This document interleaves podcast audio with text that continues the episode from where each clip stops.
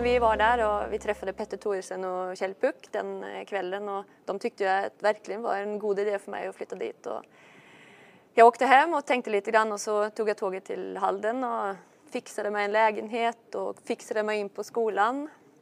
Och så när jag skulle skriva under kontraktet där på en fredag eftermiddag så eh, kraschade världen. Bara, nej, det här vill jag inte. Så jag satte mig på första tåget tillbaks Nej. hem till Skåne.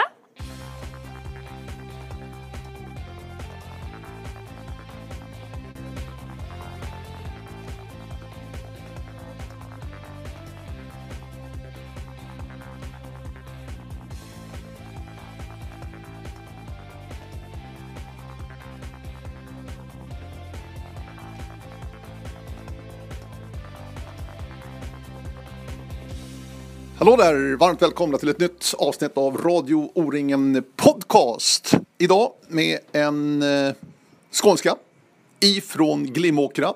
Dock boendes i Norge och Halden sedan nästan 20 år tillbaka. Det hör ni lite på tungomålet i den här podden. Kajsa Nilsson nämligen. Där orienteringen var en väldigt, väldigt viktig sak i hennes uppväxt. Där i nordöstra delen av Skåne alltså. Ja, där vi var på 10 mil år förresten i Glimåkra. Därifrån kom ju Kajsa Nilsson. Orienteringen var viktig och det berättar hon väldigt inlevelsefullt i den här podden. Resan också som tog henne till ett VM-brons individuellt minsann i sprinten i Danmark 2006. Men också skador som har kantat hennes karriär. En karriär som i och för sig tog slut för ett tag sedan vad gäller hennes elitkarriär. Men det är ett väldigt spännande samtal med Kajsa Nilsson från Grimåkra här i Radio O-ringen Podcast. Så varmt välkomna att lyssna till ett nytt avsnitt. Och hör gärna av er. Radio oringen.se är adressen. Och det här är Kajsa Nilsson. Och det här är Kajsa Nilsson. 30 år sedan, om vi börjar där, då var jag sju år. Då var jag ju gott igång med orienteringskarriären och då var det ju här vi var. Orientering, fotboll, gick på ishockey eh, och skridskor in i ishallen här. Det var ju här vi var, det var här jag var. Och så att Timila kommer hit nästan eh, 30 år senare, så det är ju häftigt alltså. Mm. Och nu är du engagerad också i Team Det är ju FK Göingarna då, Ja, din såklart. moderklubb som Ja. är arrangör. Och du är med på ett hörn här också. Ja, lite grann. Alltså jag ser mig som en sån VIP-funktionär som kommer in som på ett bananskal igår kväll och så har vi varit hjälp och hjälpt till lite grann idag och så ska jag vara med i speakertjänsten under hela helgen. Så eh, häftigt alltså, fantastiskt. Så jag, det är lite rörande att sitta här, det måste jag säga. Väldigt speciellt. För det känns inte att du helst hade velat springa för det här är liksom för mycket hemma eller? Både ja och nej. Alltså, det är ju mitt hemmaterräng, verkligen, men det har aldrig varit någon karta där. Och jag har nästan aldrig varit i skogen förutom helt runt Källstorp där jag bor. Då.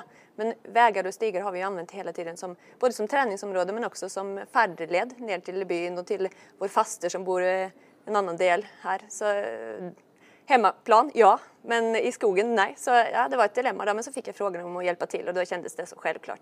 Alltså, om jag skulle eh, småsatsat lite grann så hade det tagit ganska mycket tid och fokus. Så på något sätt kanske det var här var den bästa lösningen ändå. Så ser jag fram emot att få sitta i skogen på natten och följa Timila. Hela stafetten som jag aldrig har gjort förr. Jag har ju alltid sprungit själv och så gått och lagt mig för att det var ju en ny tävling nästa helg och nästa helg. Så ja, det här blir väldigt spännande. Jag tror det blir ett intressant samtal här. Vi hör ju på hur du pratar nu för tiden att eh, norskan har ju tagit över.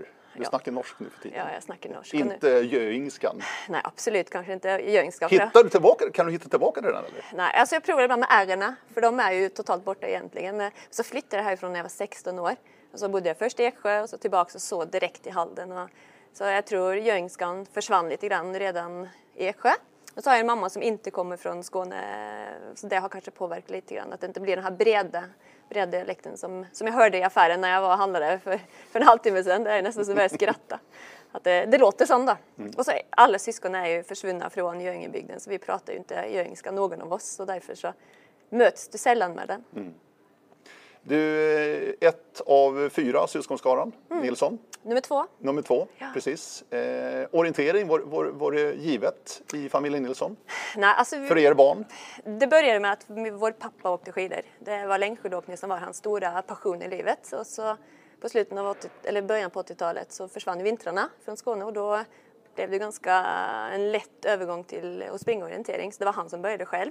Han hade en kamrat som hette Bengt Larsson som han åkte skidor med och som drog han över till IFK Göingarna. Han åkte för Hästhults IL. Han kommer ursprungligen för Vittsjö.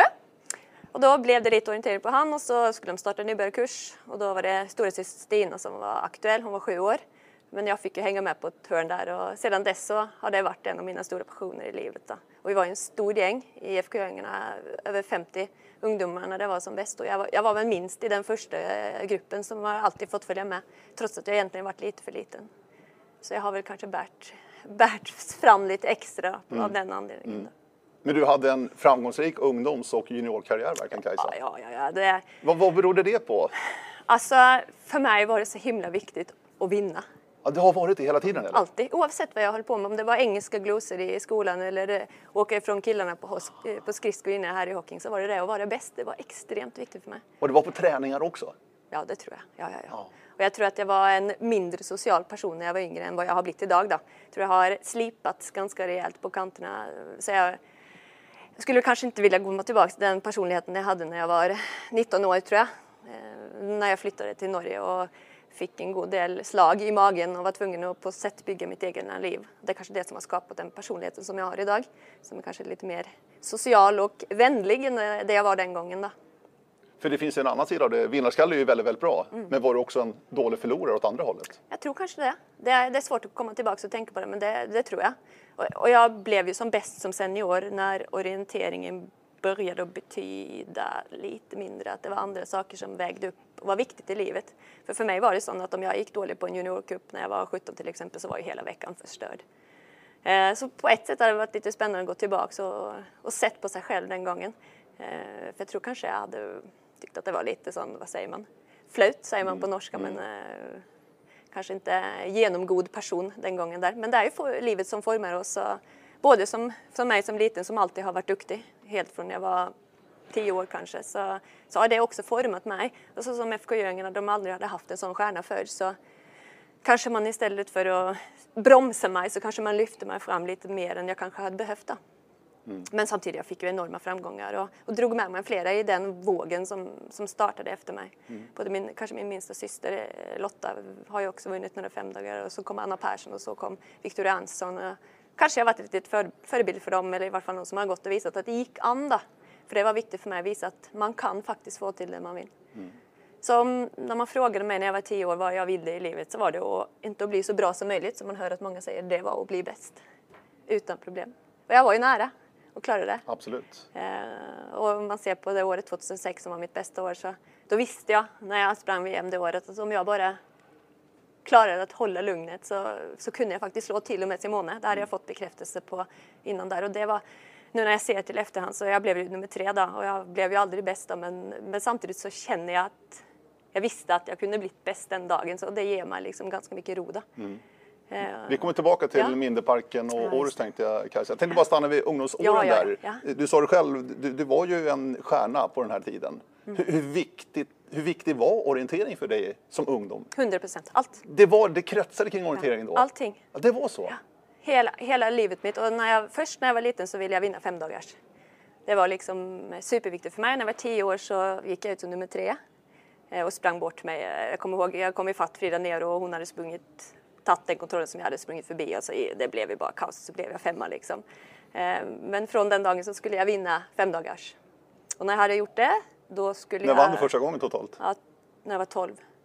Det blev 1994. Just det. Mm, 82 är du, precis. Ja, 94. Ja. Ja, och så vann jag 96 och så vann jag 98. Så jag vann när jag var 12, 14 och 16 år. Äldst i klassen? Äldst i klassen, eller då var det ju... Nej, det, det var blivit... enkelklasser då ja. kanske, årsklasser. När jag från var 12 så var det varje år. Ja, just det. Mm. Mm. Så vann jag varannan med Lena Persson från Skogfacket kommer jag ihåg. Mm. Så. så det är liksom ett sånt fint minne jag har. Nej, och det var liksom det första målet för att vinna fem dagar så det kommer jag ihåg fortfarande. Eh, och efter det så ville jag komma in i Eksjö på ett gymnasium. Det, var liksom, det visste jag på något sätt att det var du tvungen till för att kunna utvecklas. Och för mig så var det ett stort mål och det klarade jag. Och då, däremellan så hann jag ju vinna ungdoms-SM i 15-årsklassen som 14-åring. Eh, det var ju näst, jag visste ju inte om att det skulle kunna gå. Jag tror kanske att jag kunde tänka det själv på den tiden men jag tror det var många andra som kanske inte trodde att det gick och det var med ganska mycket också. Flera minuter. Mm. Jag tror efter det så blev det inte lov att springa i Nej, 15-årsklassen nej, när man var stämmer bra 14. det. Då vann jag 15-årsklassen två år och så hade jag, där började liksom små nedturer när jag var 16 och då kommer verkligheten ifatt mig och de andra kom kanske också ifatt mig lite grann. Vad, vad menar du då? Att verkligheten kommer fatta? Ja, alltså jag eh, var väl kanske inte så bra som jag kanske intalade mig själv alltid och gjorde en god del fel då. Eh, Men jag hade inga problem med skador. Det kom ju helt på slutet av juniortiden. Så jag tror att orienteringen betydde så mycket så det blev på något en svaghet då, hos Ja. mig. Men jag tror många av de andra var lika duktiga som mig men hade andra värderingar i livet som gjorde kanske att de blev lite jämnare då. Så då blev det liksom, då var vi jämna. Men vi var ju en gäng tjejer som gick ihop i Eksjö. När jag började där så var ju de tio bästa i Sverige gick ju i Eksjö på den tiden och vi var ett fint gäng som peppar varandra och det är väldigt många som håller på fortfarande. Så det är kul. Men jag hade väldigt tydliga mål då på vägen fram. Hur, hur satte du upp dem? Alltså var det någonting du bearbetade själv? Ja, ja, jag skrev och jag har visual- visualiserat. ner dem? Ja, jag skrev ner det och visualiserat. Och Redan som Ja, tioåring. Allvarligt? Det är helt sant. Oj, oj, oj. Jag har liksom drömt mig bort och det har jag använt starkt av mig själv. Jag har ju kommit på det här själv men det, det blev så viktigt. Och jag kommer ihåg när jag var liten och satt och såg på längdskidåkning och då hade jag ju på mig mina egna skidor och stod på rummet och följde med på, på TV. Så det är ju sådana extrema saker som jag har gjort liksom. Men för mig så det var en sån häftig känsla liksom. Och så efterhand så blev det rösterna till er superspeaker, både dig och, och Kjell-Erik Kristiansson. Den eh, känslan där, när man hörde er, det var liksom något som byggde stämningen upp ännu mer då. Så jag tror att jag är en sån känslomänniska, eller jag är det. Och, och det har också visat sig i idrottskarriären. Då. Jag har aldrig varit så extremt upptatt av det orienteringstekniska och analyserat banor och kartor och haft GPS utan det har mer gått på min känsla eh, och upplevelsen där och då. Men den har räckt ganska långt. Ja, väldigt. Helt klart. Ja. Du måste ha haft någon talang någonstans, alltså, eller hittat, förstått liksom, vad det Ja handlar det, om. tror, ja, det tror jag. Men jag har aldrig haft den tidigt. nördheten då, som väldigt många orienterare har, att de är extremt upptatta i kartor och, Mm. Och orientering. För mig har det på ett sätt varit eh, som en liten show då, kanske man ska säga det så. Jag har liksom drivits av känslorna och lyckats vara bäst och, och få till det. Mm. Och det har jag kommit långt med, eh, det får jag säga. Och det, den känslan får du inte tillbaks nu när man ser tillbaks. Känslan innan start och du vet att eh, idag är jag bra nog till att vinna. Det, den hittar man ingen annanstans. Den spänningen Nej. där. Eh, Eksjö pratar om orienteringsgymnasiet i Eksjö. Blev det, eh, hur blev det för dig att flytta härifrån Glimåkra och hemifrån då upp till Eksjö orienteringsgymnasiet? Eller allting liksom, vad, betyder det för dig? Jag tror det betyder allt den gången då. Alltså, om jag hade bott kvar i Glimåkra så tror jag kanske jag hade gjort någonting annat. Eh, Så det var helt avgörande. Och, och för, hemma hos oss fick vi, vi fick inte lov att gå i Olofström. Vi var tvungna att gå på ett ställe där man fick mat och att det var vox, vuxna som Ah, såg till oss. Så det. var liksom egentligen eh, Olofström var lite närmare egentligen. Ja, det är egentligen närmare. Och så var det ju riksgymnasium. Olofström var ju inte där på den tiden. Så eh, då fick vi lov att åka dit och då satsade liksom föräldrarna en god del tid och pengar alltså, eh, på det. Och fantastiska år. Herregud, det var ju som att vara på läger i tre år. Ja, det, det, ja, det var fint. Blev det mer strukturerat tycker du också när det kom till, till Ja, Eksjö? ja, ja, ja, såklart. upplägg, träning, Ja, hjälp allt, och, och allting sådär? blev ju mycket bättre. Jag har alltid styrt det själv, Ja. både till positivt och till negativt. Men då fick jag liksom hjälp och så var du visste att det var mer professionellt. Och, alltså, vi tränade på dagtid och hade jag bott här och åkt in till Kristianstad så hade det varit i vart fall en och en halv timme resväg var dag. Så för mig i min satsning, och det var det viktigaste, så var det här enda alternativet. Då. Så kan man gå tillbaka och se på det. Man kanske skulle sett ännu längre på flera möjligheter. Jag som har haft den här skadeförföljningen så kanske skidgymnasium i Mora hade varit ett alternativ för mig som alltid har åkt längdskidor vid sidan av och springorientering. Men nej, den lösningen där blev super. Och vi hade det väldigt fint där och, och, och vi, vi lyckades då i motsättning till väldigt många andra att behålla oss innanför orienteringen och fortsätta att prestera. För det är väldigt många generationer både före och efter mig. De har varit juniorstjärnor som har kommit in på, eller ungdomsstjärnor och kommit in i Eksjö och så har det gått rätt ner. För att det har blivit för mycket och de har inte tålt den träningen. Men jag har alltid tränat alternativt och har klart mig. Så för mig det var superbra och, och resultaten fortsatte ju att komma efter att jag började där också. Så. Studiemässigt då, hur, hur hanterar du det? Har du en bra disciplin själv? När det Ja. gäller studierna, för att de ska man också klara av. Ja, jag, jag tror väl att jag var bättre när jag bodde hemma på det där. När vi i Eksjö så var det massa socialt som man Det drogs blir ju med. lätt så. Det blir eh, sån automatiskt. Men det var helt okej och jag har ju klarat mig på det vidare i livet. Så. Men det, betygen gick väl lite ner, det måste jag ju erkänna för mig själv i vart fall. Men, men det var andra som klarade det. Så det var, du gör ju en liten prioritering där. Men för mig så var ju orientering viktigaste. Mm. Och bara du klarade skolan okej så var det liksom Mm. bra. Du är ju lärare i dagens läge. Ja, precis. Så jag tänker för de som lyssnar på det här och har tankar på orienteringsgymnasiet, hur ska man tänka just det här kring, studierna, får man, får inte glömma bort dem. Nej, det är För jätteviktigt. de är så viktiga, va? men det är lätt att man dras med det här du, du sociala. är så liten vet du när du börjar där. 16 Exakt, år. du är ett barn är egentligen. Ja. Så alltså, som mina föräldrar var väldigt tydliga på så var det ett Eksjö. Att det var någon som ordnade mat till dig. Du hade ett rum och det enda vi behövde tänka på var ju egentligen att tvätta våra egna kläder. Och för dem så var det viktigt att du fick totalheten till att fungera. Och så har det aldrig varit någon press hemifrån oss i förhållande till skolan, men du skulle fixa det. Men så lägger du lite en listen själv då, som man säger att är VG bra eller ska man ha MVG alla, alla ämnen? Måste man ha det?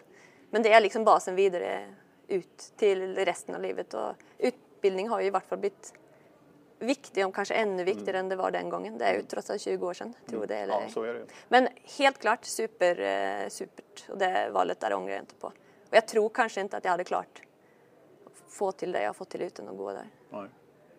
Och- Nu, nu vet jag liksom inte hur det är nu liksom. Är det många goda eh, tillbud, alternativ hemma så kanske det också kan vara bra. Det har ju växt fram, Ja, det har ju gjort hemortsalternativen, verkligen. Och, och så Men man, man ska hålla liksom idrottsglädjen ihop och, och går man på ett ställe där det inte finns så många idrottare som det fanns där vi var som hade samma intresse så kanske orienteringsglädjen försvinner bort också.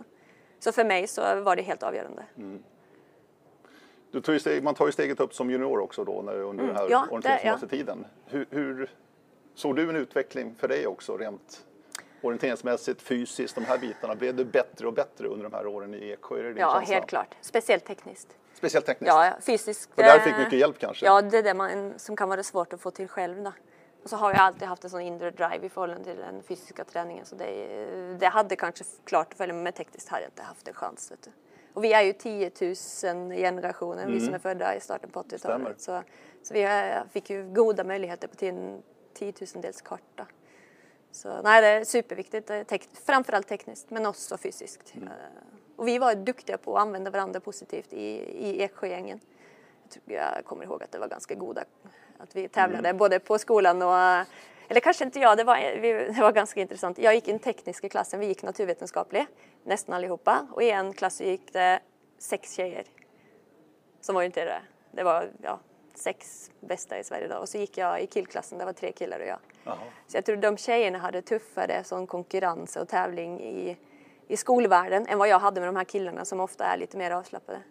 Så, så, så jag kände inte på den på samma sätt som tjejerna gjorde. Så nej, det var eh, en riktig skillnad. Ja, spännande. Ja. Och som junior kommer ju ett junior-VM också som blir det stora målet om man är, om man är duktig i Mm. Ja, orientering. Och ja, det var blir på dina målsättningar kan jag tänka mig under dina juniorår, just junior-VM på sommaren. ja, och så tror jag kanske jag var den första junioren från Eksjö som tog en medalj på Ja, junior det törs inte jag säga. Men jag tror kanske jag har sett någon statistik på det. Oj, det är ju spännande. Eller när jag gick där kanske.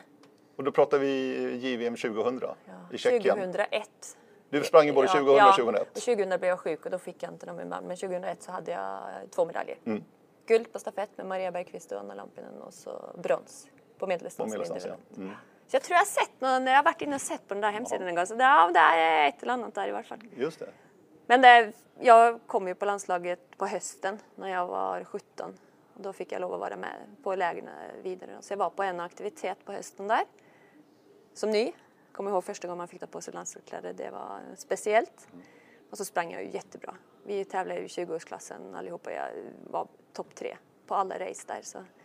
Utan krav, utan förväntningar, bara göra det viktigaste, det rätta och det enklaste och det funkade bra. Och det är ju kanske det som har följt min karriär. När jag inte haft någon press på mig så har det ofta gått som bäst. då. Kraschat några gånger när jag har pressat mig själv eller haft för stora förväntningar. Men jag tänker du som 17-18 då, de två första åren som junior. Mm. Då tog du inte till JVM något av de åren? Jo, när jag var 18. När du var 18 var du med? 18, 19. Ja. 17 så fick jag inte till det. okej. då, då blev det för stort kliv för mig. Mm. Men 18 och 19. 20 så var jag skadad. Så då, då blev det ingenting. Nej, just det, precis. Det blir 2000, det är ju 18, ja, stämmer det. Du var inte med 2002. Nej, precis. Nej, ditt sista år som junior. Nej, då, då var jag hemma. Ja, Precis. Och det var då skadorna började. precis. För då var jag färdig i Eksjö och så skulle jag flytta hem och satsa 100% på sista året och då blev det för, för mycket träning för fel. Så då fick jag en stressfraktur i ena foten, en sån Jones fraktur heter det, som ofta soldater får när de tar långa marscher. Fick jag besked i februari att eh, den skadan var kommet, att det var ett stressfraktur som det kallas. Och så var jag tvungen att inte belasta foten två månader. Och det är inte så enkelt. Det enda man egentligen ska göra är att träna. Så jag tyckte väl att jag gjorde eh, avlastade foten tillräckligt, men det var ju inte nog. Så ett par veckor innan det var sån JVM-test så var jag och sprang eh, i Vedema i Hässleholm för att testa formen och då trampade jag fel och fick superont i foten och, och vi åkte in till eh, sjukhuset och då var den ju inte läkt. Nej. Fick borra om få- ny kula nästan och rehabilitera den. började på nytt. Men då fick jag hjälp och då kom jag in eh, till Lund till eh, Per Herbertsson som var doktor och han tog mig med en gång och satte in en skruv. Och det var samma dag som juniorn startade. Så då, det var egentligen ganska bra för då hade jag inte kunnat ha chansen att vara med där. Då hade jag ett gips på Ja. benet. Och så var det den sommaren och så flyttade jag till Halden på hösten där.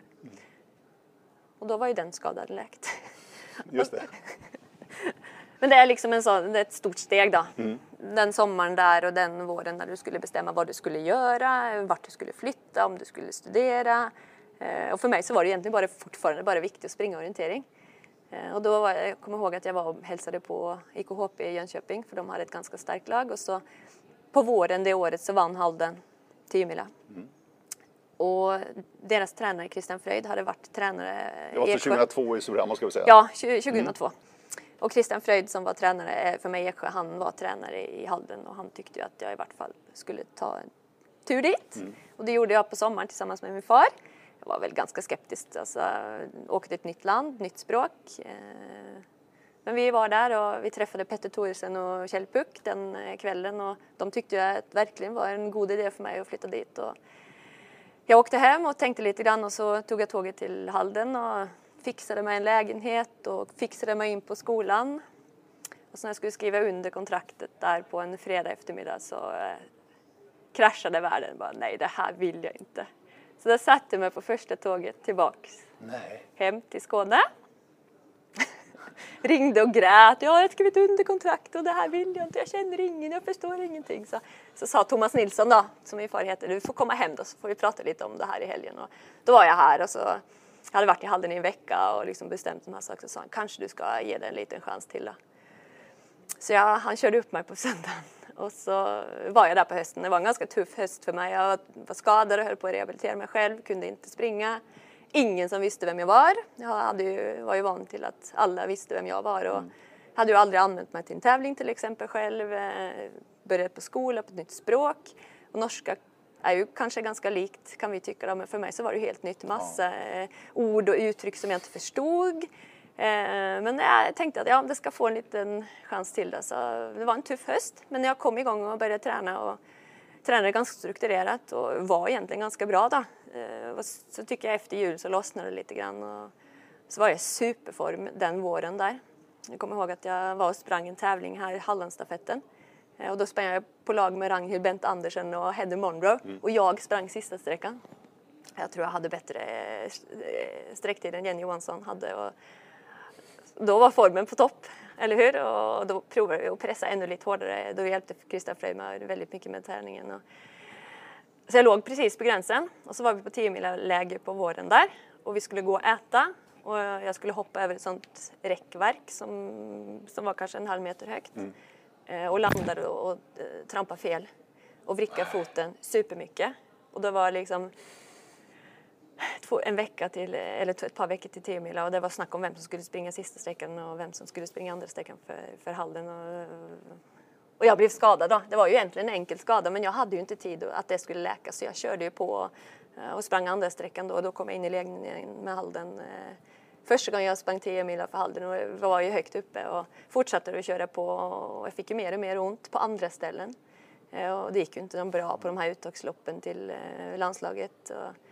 Och, då hittade vi ju nya stressfaktorer eh, på insidan av bägge, vad heter de här benen under knät på svenska?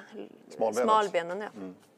Så då var det bara ge upp, sån halvvägs ut i den första eller säsongen för Halden. Börja på nytt igen. Ja. Men då hade jag ju också fått ett kvitto på att när jag gjorde sakerna rätt och tränade så var jag ju helt uppe i, i världseliten. Eh, och den här visan har jag ju igen tagit sig några gånger fram till 2006. Då. Eh, när jag, 2004 var det ju VM i Sverige. Ja. Det var väl också någonting du såg fram emot? ja, och då fick jag ju lov att vara med på ett VM-läger Exakt. eh, och så då var det nya stressfaktorer tror jag, jag kommer inte ens ihåg vad det var, men då var det också stopp. Eh, och då var jag också med på ett VM-läger och jag kommer ihåg jag satt i bilen med Marita Skog och med Jenny Johansson och hade, jag hade liksom klart att bygga mig upp igen och fick lov och kände att jag hade där att göra och så kom nya skador. Och då kommer jag ihåg att jag bestämde mig att nu måste jag bara göra något helt annat än att vara i Halden och springa orientering. Och det har jag liksom haft som sån taktik varje gång att jag har dratt mig tillbaka. Eh, för att inte vara en del av den här orienteringsvärlden. För det har jag inte fixat när jag inte har varit på topp. Nej. För jag har visst att jag kunde ha varit där och jag har aldrig varit intresserad av att ha varit topp 10, topp 15. Så jag kommer ihåg att jag åkte till Orsa och gick och planterade skog med Jerker eh, och Maria Bergqvist. Eh, och samlade ihop så mycket pengar jag kunde på en månad och så drog jag till Australien och Nya Zeeland. Eh, den dagen VM startade. Då kommer jag ihåg att jag satt på köksbordet hemma i Tjänstetorp och grät och var lite nervös för att jag skulle åka till Australien. Jag kommer ihåg Thomas frågade mig vad är det här? Liksom, du sitter här och gråter, du ska liksom åka till andra sidan världen och så vill du egentligen bara åka till Västerås.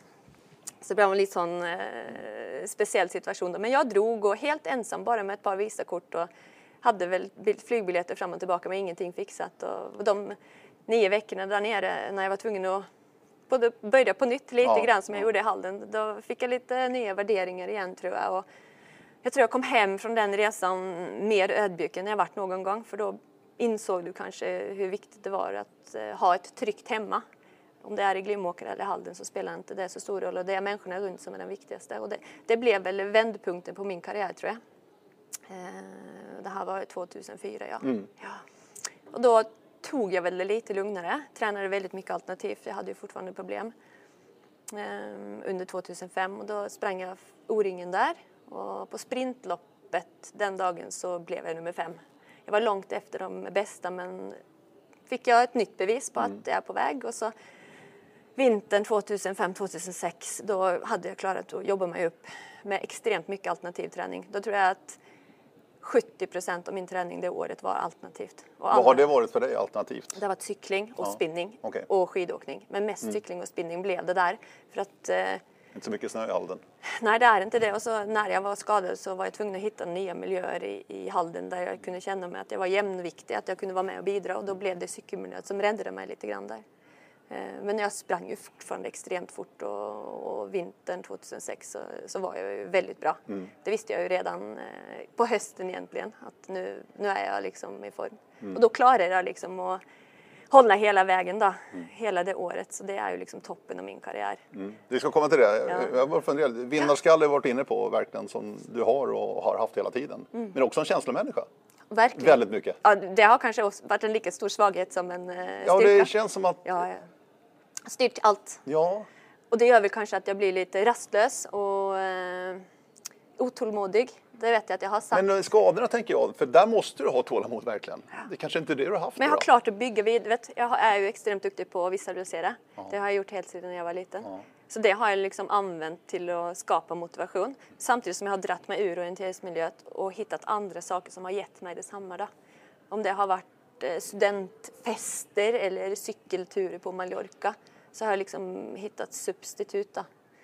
Eh, för att överleva, mm. rätt och slätt. Men det har ju också gjort att jag har byggt upp ett annat liv som jag drar nytta av idag. När jag inte driver med orientering alls på det nivået som jag har gjort förut. Mm. Mm. Så, så jag har varit, för mig är det väldigt viktigt, de här topparna. Jag är väl sån som människa. Antingen så är det superbra eller så är det mm. helt mm. dass. Ja, liksom. ja.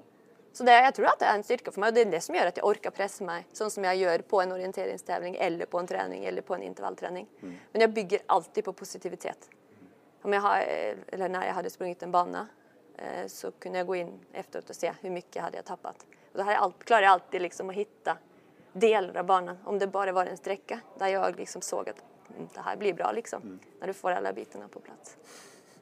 Det är, alltså, det är fascinerande. Ja, det är väldigt fascinerande. Och de här upp och nedturerna har ju varit extrema hela tiden. Eh, så det var liksom i 2010 när det blev stopp på något sätt för då fick jag några besked som gjorde att nu vet man inte hur länge det här tar och all, alla skador jag haft så har jag haft ett tidsperspektiv. Då. Och då har jag klarat att mobilisera och bygga upp en enorm styrka. Då. Mm. Och jag tror jag kände det speciellt under 2006. Vet du, att där hade jag liksom varit så nära så många gånger och känt på det och visst att jag hade kunnat få det till. Och kände ju alla tjejerna på landslaget men hade ändå inte varit där. Det är ju Halden som har varit min bas. Det är ju Halden som har format mig som elitidrottare Ja, för att ja. jag har ju aldrig varit med i ett landslag före 2006 Nej. var det juniorlandslaget. Precis. Fått vara med på några samlingar och miljöer. Så jag hade ju min styrka och min trygghet i klubben i Halden. Mm. Så jag var, vad som hände i landslaget spelade egentligen ingen roll den gången. Det var liksom mig själv och att jag skulle få lov att lyckas på VM som var det viktigaste och det blev Jo, men det måste ju ändå känns äntligen nu är jag Ja, ändå här. ja, det har det- ja. strävat emot att Det komma med till superbra. VM i Danmark då 2006. Ja, det var väldigt, men jag var ju bra nog till att vara där. Jag har ju inte varit en sån som har varit med på landslaget men aldrig fått det till. När jag har varit med så har jag ju varit bra och det är ju extremt. Eh, Två VM har du gjort ju. Två VM. Ja, 2009 sen också. Vi återgår till det. Ja, i Ungern. I. Ungern, ja, precis. Nej, men men vi börjar i Danmark. ja, Danmark ja. När du kommer dit. ja. Du, du känner att självförtroendet är där? Ja, jag jag är det. där för att liksom leverera. Jag visste ju på våren, jag hade ju vunnit elitserietävlingar, eh, vann Tibro tror Ja, jag som var den första och så hade jag haft några i Skåne här där jag ledat med supermycket och så fick jag någon sån kortslutning på slutet. Men då visste jag också att det var bra. Och så hade jag sprungit EM först i Estland och då hade jag också gjort några lopp som Mm. var helt superbra och speciellt en stafett kommer jag ihåg. Jag gick ut på andra sträckan efter Emma Engstrand och eh, sprang ifatt eh, täten med flera minuter och kommer speciellt ihåg att jag blev liggande bak Veronica König Salmi. Och hon har ju alltid varit en sån stor stjärna och så låg jag bak henne och så kände jag att det här går ju allt för sakta. Och då bara gick jag upp och sprang förbi henne och bara körde ifrån. Och den känslan där är ju extremt bra och det gjorde mig ingenting.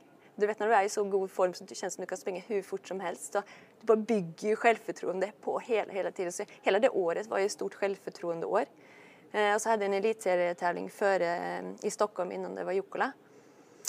Och då led jag var ju långt före Simone på halva banan och så sprang jag in i ett trä och slog mig och så var jag halv minut efter. Nu hade jag ledat med henne med många, många, många sekunder och det har aldrig skett för. Jag visste att på sprinten så eh, var jag nästan favorit alltså. Eh, och det gör någonting med dig. Då spelar det egentligen inte någon roll att det är ditt första VM för du vet att du är så bra som du är. Eh, så det var ju superbra. Men var det känslan när du åkte dit också att sprinten är min största chans? Ja, det var det. Det var så? Alltså, det, jag hade lite problem. Det var så, jag, hade, jag var, sprang jättebra på, medels, eller på långdistans, är egentligen väldigt bra på medeldistans och sprang bäst på sprint. Mm. Så det var, jag kommer ihåg Marita sa till mig, kan du inte tänka långdistans när du springer en medeldistans? Det var liksom det som var lite ambitionen, för jag hade sprang i medeldistansen också och stafetten. Mm. Men jag visste att sprinten var min chans alltså. Eh, Och så hade jag tränat med Emil, vi hade kört samma upplägg i Halden. Eh, Vi sprang inte fem dagar sedan vi var i Halden och tränade. Så jag visste ju att jag var, hade chansen här. Och såklart så var jag ju inte nöjd med att bara ta en medalj. Eh, Det var ju att vinna som var viktigt. Och för mig har det alltid varit så att ska jag åka på ett mästerskap så ska jag ha chans att ta medalj. Eh, Och jag klarade det. Absolut, du klarade det. Emil Wingstedt förresten, han tog ju guldet Ja, på här sidan det, ja. efter en makalös avslutning. Hur? Han hade, han, det var ju hans signum verkligen, han var som bäst Emil. Ja. Han var den enda som hade, höll farten. Orkade hålla ut, ja. Han ökar ju inte, utan han håller farten Mm. hela vägen in. Han var extremt bra på det. Han har vunnit många guld på det sättet. Och så var det, då var det kval på förmiddagen och final på Ja, eftermiddagen. precis. Och vi hade ju en period innan det VMet att vi körde två intervallpass om dagen. Mm. Så vi körde ju det ihop hela tiden. Så det var ju en trygghet att veta att Emil eh, hade kontroll och jag klarade att orka vara med han Mm. på det upplägget. Jag tror att jag hade lite annorlunda på några av de eh, träningspassen, annars så var det ganska likt. Mm. Så jag hade ju, visste ju att det här kunde gå alltså. Hur fungerar du? Har du fortfarande klara minnesbilder av det loppet, just specifikt det där i, i Minneparken ja, i flera, det, det är flera, eh, flera Du, tar, du, tog, du. vann bronset alltså? Ska vi säga. Jag vann bronset. Eh, strulade ganska mycket i starten, fick upp farten, sprang in i en bom, kommer jag ihåg. Så det blev helt svart, hoppade upp igen och fortsatte. Jag eh, kom ifatt eh, en danska, nu kommer jag inte ihåg vad hon heter, ljushårig, så Helena Hausner. Sprang förbi henne, var inne på varvning. Eh, visste inte hur jag låg till, ingen aning, men jag visste att jag sprang ett minut fortare än henne. Strulade lite grann på slutet. Och så har jag mitt största minne är när jag kommer in mot sista kontrollen och du hör ett sånt vrål som jag tror man hör på fotbollsstadion. Eh, och det lyfter mig in. Jag har aldrig varit med om det förr. Och den känslan där är liksom det starkaste av allt. Du bara känner att det ett eller annat i kroppen händer att du bara klarar att springa ännu fortare. Eh, så när jag kom i mål så var jag missnöjd för jag visste att det var så många fel på vägen men jag må väl ha legat tvåa kanske den gången. Så kom australiensiskan på slutet. Ja, men nu inte du ledde du Jag kanske jag ledde. Rätt före Lena Eliasson, för hon blev fyra. Ja. Ja, just det. Nej, så när jag kom i mål så var jag sur tror jag. jag, kommer Ja. ihåg, jag prat, och så pratade jag med Jodal och förklarade om den här eh, bommen som hade sprungit in i och blivit helt svart. Och, så vi provade liksom bara att kolla hur läget var med mig. Men så räckte det till en medalj och det var liksom gott som guld där och då. Men jag visste, det var 11 sekunder. Ja. Och de kunde jag ju i vart fall hitta. Men sån är det på mästerskap. Man, I vart fall i tjejklassen, där ska Där är det folk som gör mycket konstiga saker. Häftigt, det här var ju Hannah Elston då, australiensiskan Ja, som vann. Hon var ju junior 20-åring, fortfarande. vet du. Ja, det var oerhört imponerande. Ja, helt klart. Och sen det tråkiga med hennes karriär var ju att hon blev ju nästan uppköpt av någon agent nere i Australien så att hon skulle börja springa löplopp istället Ja, och för tjäna det var det pengar. hon började med. Ja. Men så var hon med, jag kommer ihåg när vi var i Taiwan. Hon har varit med Games. på World Games. Ja, då var hon precis. innan. Så, ja, exakt. Hon Ja. kom ju aldrig upp i den Nej. eh, kapaciteten igen. Det var synd faktiskt. För väldigt, Nej, hon var väldigt rå, stor talang alltså. Ja, verkligen, Ja, verkligen. Så att, eh, Nej, hon satte oss på plats där. Verkligen. ja, det gjorde hon verkligen. Men du fick kliva upp på pallen på ett VM. Det var ah, härligt. Var det stort, eller? Ja, det var stort. Jag förstår det. Det är, eh, ja, det är nästan som juniorerna när jag, jag, Maria och Anna stod där uppe. Det det är speciellt och då fick vi höra svenska nationalsången. Det fick vi inte höra nu då. Men, Nej, nej, nej. nej. men det kommer jag ihåg. Det är ett minne för livet och speciellt känslan in mot mål. Med de 5000 som stod och skrek där. Mm. Det är, eh, Men du fick en plats i det svenska laget på stafetten. Ja, det var när ni jätte- vann ett silver. där vi vann ett silver. Eh, Kommer jag- du ihåg vilka som sprang? Ja. Övriga? Ja, ja, ja, du ja. gör det. Du har Ja. väldigt bra minne. Alltså. Det är Det var, alltså vi var ju fyra ja. som var, Ja, var om platserna och, Emma måste, måste eh, gå till sidan. Så det var Jenny som sprang första, jag sprang andra och Carolina sprang sista. Och jag gjorde det bra. Jag har ju ofta varit en god stafettlöpare. Ofta sprungit andra sträckan i VM-sammanhang. Har jag noterat. Ja, och egentligen i hallen också. Eller Jaha. inte andra eller, ja, andra eller fjärde. En sån mittenlöpare. Jag har alltid kört med handbromsen i på stafetter och så gott som alltid leverat tror jag. Jag har hoppat över några kontroller i några sammanhang med Halden men aldrig gjort några stora bommertar där. Så jag tror att jag ser som en säker stabilitet i laget och så hoppas jag kan vara med och bidra till en bra lagkänsla. Men så kommer jag ihåg att jag växlade ut Karo, då, led, då ledde vi med många minuter tror jag. Och så gjorde hon oss sängar så vi blev tvåa. Finland vann man tror jag. Finland vann. Ja. Men då Mina Kauppi. Ja, helt rätt. Men då var vi nära tror jag. Och Mm. då var vi väldigt revanschsugna för vi hade gjort det dåligt på medeldistansen. Och vi hade ju ganska stor press på oss där för var, alla svenska damer ville ju springa medeldistansen och så var det jag, Helena Jansson och Jenny Johansson. Och jag kommer ihåg på kvalet till den medeldistansen, så nervös som jag har varit, var då, det har jag varit två gånger i mitt liv. Det ena gången var när jag skulle ta körkort och det andra var när jag skulle ha en examen nu på högskolan när jobbet hade betalat. Du, du visste att det gällde så jag kom, vi spydde på väg till eh, loppet och så. Men vi klarade ju att komma till finalen då så gjorde vi inte så bra efteråt. Men då kommer jag ihåg Jenny Johansson sa Kom igen Kajsa, nu, nu måste vi skärpa oss. Nu måste vi visa att det här är inte bra nog. Och det är ganska fint att det var oss tre då. Eh, Jenny som var den gamla generationen, jag som var den eh, mitten och så var det Helena som var framtiden då. Eh, så nej, det är goda minnen. Och så kommer jag ihåg, alltså, en sak är prestationen, det andra är ju allt annat kul som händer runt omkring. Jag kommer ihåg i förkant av VM i Danmark så hade vi en landslagskamp med fotbollmatch mot Schweiz. Där bägge landslag satt där på träningslägret innan. Där vi liksom körde full utstyr, full mundering och hade två fotbollskamper eller matcher i Silkeborg innan och det var så kul. Det byggde lagkänsla och Anna Morsell stod i mål. Nej, eh, Anna Morsell och eh, Billan gjorde mål. De trodde ju egentligen inte att de kunde spela fotboll och de fick liksom stå där. Jag kommer ihåg speciellt Billan bara wow. och Emma Engström stod i mål så vi fick det där till att bli något positivt för hela laget eh, och det är inga skador. Jag kommer ihåg de här läkarna och coacherna var ju livrädda då. Men var- jag tror att det hjälpte till att bygga både oss som landslag men också i förhållande till Schweiz. Då. Har du trivts när du har varit med landslag liksom, på de här samlingarna, Ja, tävlingarna? vi har haft det. Ja, verkligen. Ja. Det har varit ett stort nöje att vara Ja, det har med. funkat. Och speciellt i 2006 när Ja. jag var bra nog. Eh, Jag har, 2007, 2008 och 2009 så var det lite grann mer upp och ner. Det var det också lite problem med det. Eh, Så då är det lite värre alltså. Men när du är bra och vet att du gör det bra på träning, för det är ju ett press att vara i landslaget, du ska Exakt, prestera. det är en jättepress, Och det är, alltså. det är ju liksom in, ingen, det är inte som en klubb. Det är liksom de bästa som ska vara. Du ska, vi är där för att prestera alle man. Så eh, 2006 superbra, andra åren lite värre. Svårt. Mm. Hitta balansen där ibland. Och för mig efter 2006 så var det alltid viktigt att det skulle vara bra med laget och bra med alla. Och, eh, det är inte så enkelt Nej, när det handlar om eh, höga prestationer. Nej.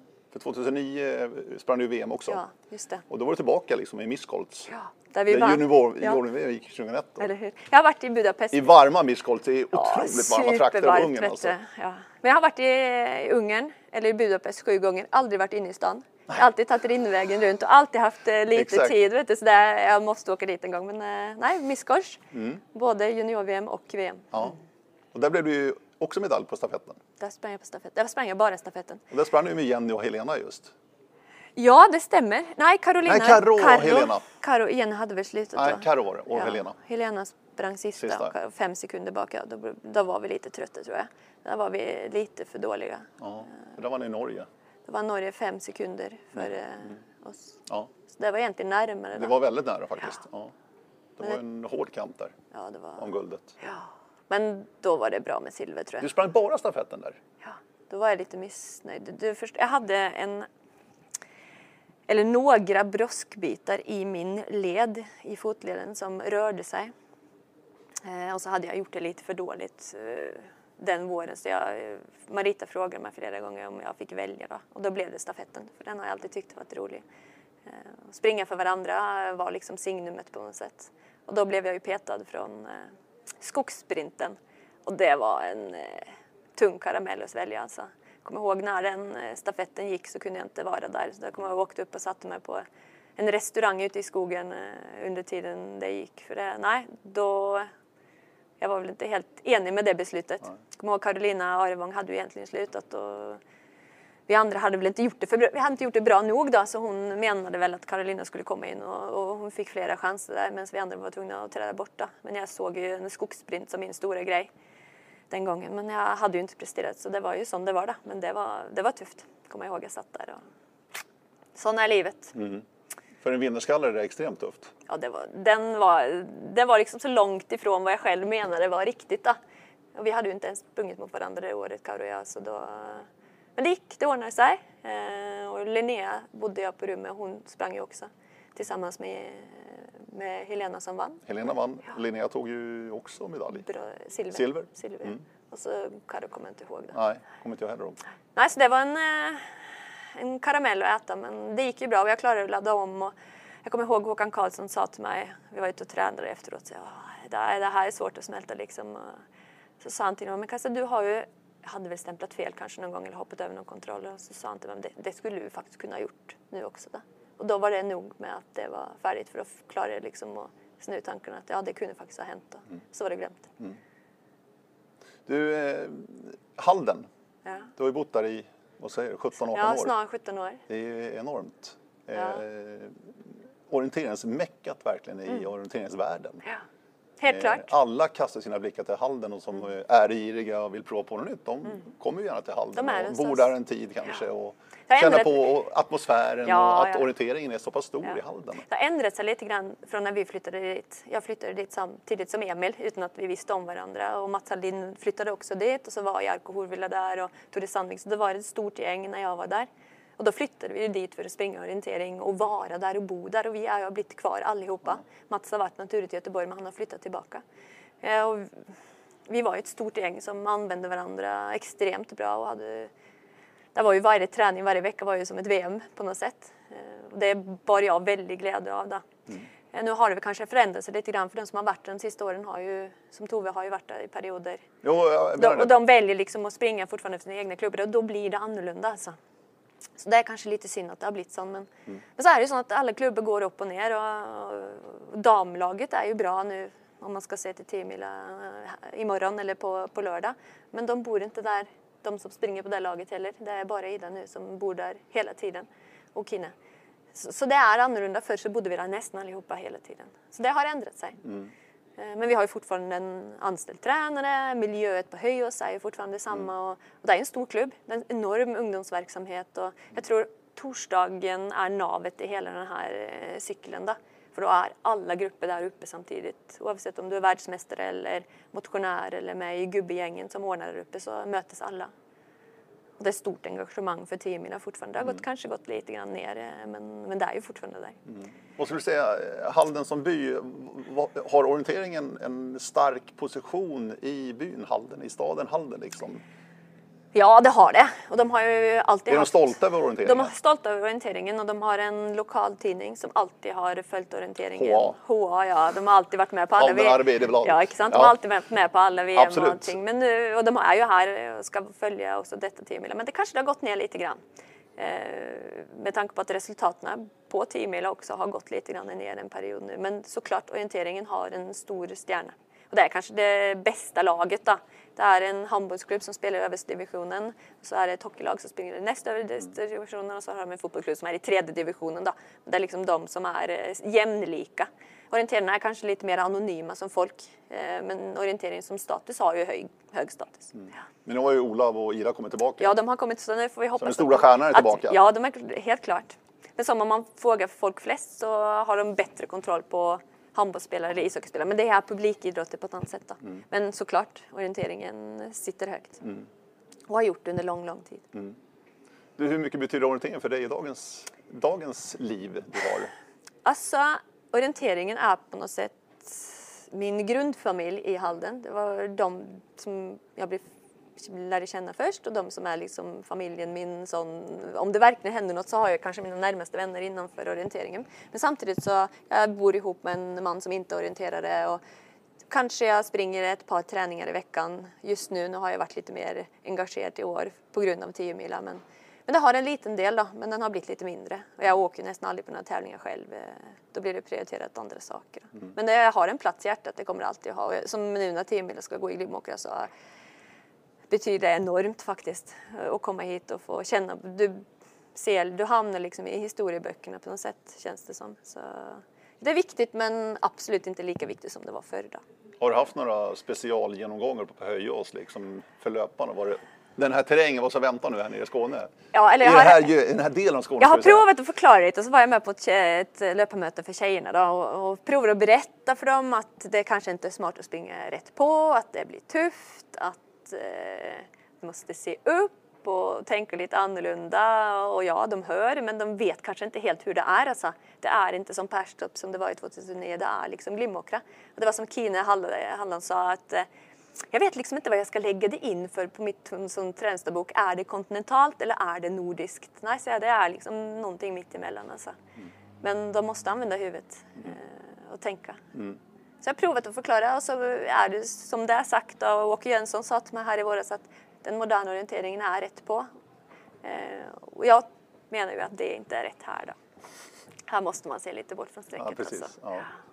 Du, eh, VM-brons, ja du har ju silver också stafett, du har varit svensk mästarinna och du har också vunnit 10 mila. Ja. Vi är ändå inne på 10 mila och det var ju 10 år sedan nu, 2009, mm. i Perstorp. Ja. När du fick vinna 10 mila med Halden på hemmaplan i Skåne. Ja. ja. Fantastiskt. Häftigt. Just de här stafettsegrarna, det är många som liksom plockar upp dem som kanske sina bästa minnen med att man får vinna med flera. Liksom. Ja. Känner du samma sak eller? För att du verkar ju vara väldigt individualistiskt lagd, liksom, vinnarskallen och allt det här. Ja, men jag tror att jag har ändrats under vägen, under karriären. Så ja, de här eh, stafettsegrarna, både med landslaget om det har varit medalj ja, eller att ja. har varit seger. Så de sätter jag väldigt högt. Och 10 mila. Men också kanske de tredjeplatsen på 10 mila. Vi har varit några fjärde, femte platser. Alla de är liksom bra men den gången vi vann så var det något speciellt. Och det var det Hauske som sprang sista mm. och jag var med. Och du sprang fjärde? Ja, jag sprang fjärde precis. Mm. Mot Lena Eliasson. Mm. Kommer ihåg det? Just det. Ja. Nej, så det, såklart. Det är ett stort minne. Kom ni in i det där 10 milat och kände att det här kan vi vinna? Ja, jag tror vi visste det. Att vi hade eh, god eh, tro på oss själva. Så, alltså, är det ofta så att om alla klarar att göra sin jobb så kan det gå. Det är liksom det som är utgångspunkten. Och vi visste att alla måste klara att hänga med. Och vi hade ju starka löpare på alla sträckorna. Så, så jag tror vi var taggade och vi var klara. Och jag hade ju haft en god eh, form den våren. Jag hade vunnit två elitserietävlingar i skånsk terräng. Så jag visste att jag var stark och Hausken är ju extrem sån man mot man situation. Och så här var vi, jag tror vi satsade för att vinna. Det har vi gjort de andra gångerna jag har sprungit också men den här gången gick det. Mm. Jag tänkte, det kanske är en konstig fråga alltså, men ja. eh, vi har O-ringen, vi har 10 mila, vi har VM, vi har vanligt När har orienteringen varit som roligast egentligen för dig Kajsa? Ja, 2006. Eh, ja, det säger du fort. Ja, det är det alltså. Ja. När du kom tillbaka, liksom, kom tillbaka och, och kände att du var liksom fysiskt där. Mm och kunde liksom prestera. Och var bra hela tiden. Ja, intressant. Då, och då, och, men jag kommer ihåg att när jag stod där på pallen på VM så tänkte jag att det här hade aldrig varit så skönt om jag inte hade haft alla de här svängarna. För du har lärt dig så himla mycket på vägen. Så kanske jag var tvungen att ta den vägen. Men eh, alltså hela känslan det året, allt gick av sig själv. Faktiskt. Mm. Det var ju träning men det var ju så kul och allt gick så lätt. Jag var ju i form hela tiden och hade god kontroll. Jag eh, använde löpband som min eh, checkpunkta. Eh, Löpband? Jag, ja, för då, Jag Det är inte kul alltså. Nej, men du förstår, jag tränar, jag var inne på Emil sitt sånt träningintervaller två gånger om dagen i perioder. Och då sprang jag första, antingen första eller sista, när jag hade två intervallpass, så sprang jag ett av dem på, på tredemölla eller på löpband. Och då kunde jag styra farten och då såg jag att jag sprang fortare hela tiden. Så jag kommer ihåg efter att jag kom tillbaka från skadan när jag började i 2005 så eh, började jag på 12 och sista intervallen innan, jag kommer inte ihåg om det var VM eller en annan gång, så sprang jag på 17,5. Och då, då visste jag att nu är jag i form. Och det använde jag vidare också i 2009 till exempel. Att, Okej, nu vet jag att formen är där. Så det har varit min, det var Ja, min hjälp en gång. liksom. Ja, en sån check för nu vet jag att det funkar liksom. Ja, det är schysst alltså. Alltså man får hitta, det, jag kände nästan att det var som doping. Ja. Den där eh, löpande. Och det var ju en, en, ett pass som var 37 minuter. Eh, Bara bita ihop liksom. Ja, du visste att det var Och så när du sprang klockan sex på morgonen, för då hade jag börjat jobba, så då hade jag, alltså jag hade ju ting att göra som jag skulle göra. Så Mm. visste jag att okej, 37 minuter. Såg jag på morgon-tv och sprang mina fyra minuters intervaller som jag fortfarande gör om jag får välja. Så nej, 2006, toppen. Toppenåret ever tror jag. Ja.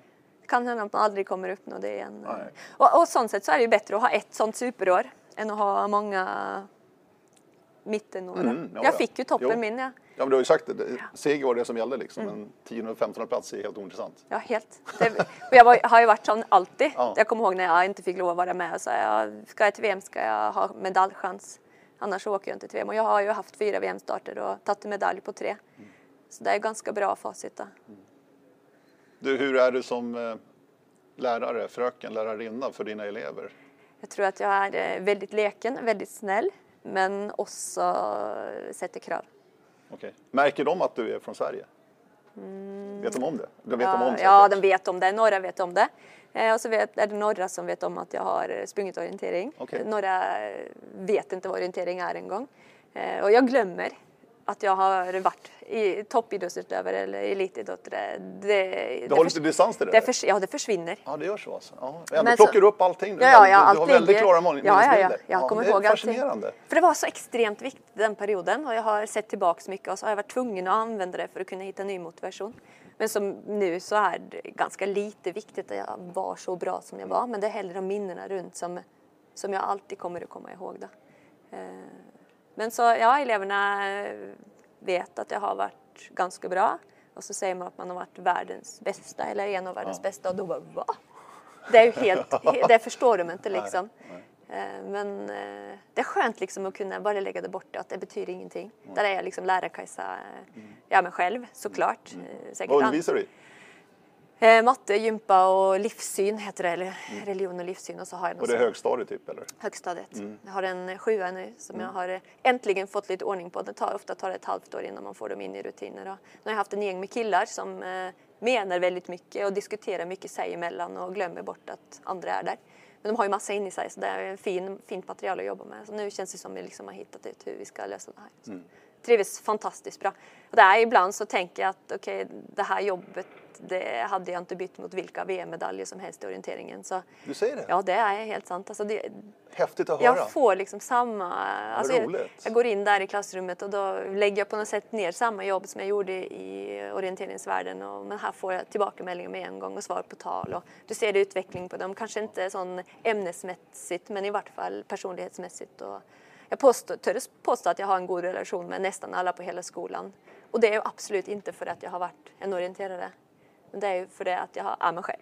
Ja, du Kajsa. Så hade jag aldrig varit där när jag var utan orienteringskarriären heller. Så, alltså jag trivs superbra. Så, men som sagt, jag hade inte bytt det jobbet mot det guldet då, som blev en, en bronsmedalj Ja, istället. Men det är minnena som lever kvar. Det känns som att du blir kvar i Halden. Ja, det tror jag. Det är, eh, det är hemma nu. Jag. Trots den där första.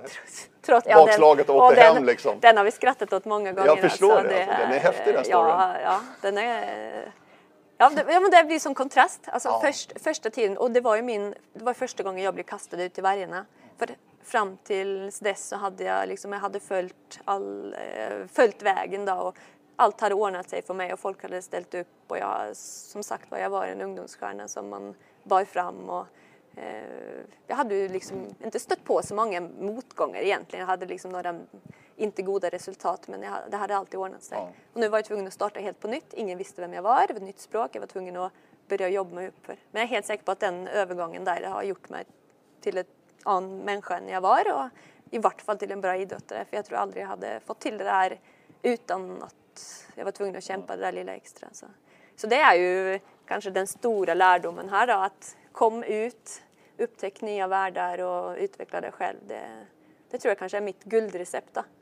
För det var det som gjorde att jag klarade att få orientering lite grann på avstånd och eh, våga vara mig själv och, och att det inte betydde allt för mycket. Då, för det är den balansgången där som, som är viktigt. Så jag tror det året 2006 var mitt bästa har jag kanske aldrig jag tänkt så lite på orientering samtidigt som jag levde i orienteringen mer än någon gång. Det var så mycket andra saker som höll mig levande och var viktigt. Då. Och eh, resultaten är ju en sak det där året 2006 men all vänskap, all, allt det roliga som vi hade och upplevde det året är enormt. Det är en väldigt bra slutpunkt där tycker jag. Ja. Tack snälla Kajsa Nilsson. Fantastiskt trevligt. Härligt. Kul Ja. att få sitta och mimra lite. Det, man gör inte det nej, varje dag. Och just att vi gör det i Glimåkra, hemma hos dig. Härligt. Känns det som. Ringen är sluten. Ja, cirkeln är sluten verkligen, återigen. Eh, tack Kajsa, hoppas ni också har gillat det ni har hört. Det tror jag säkert. Eh, hör gärna av er med önskegäster, kommentarer, synpunkter. Radio o-ringen.se. Nu säger Kajsa och jag. Hej då. Hej då! Hej då.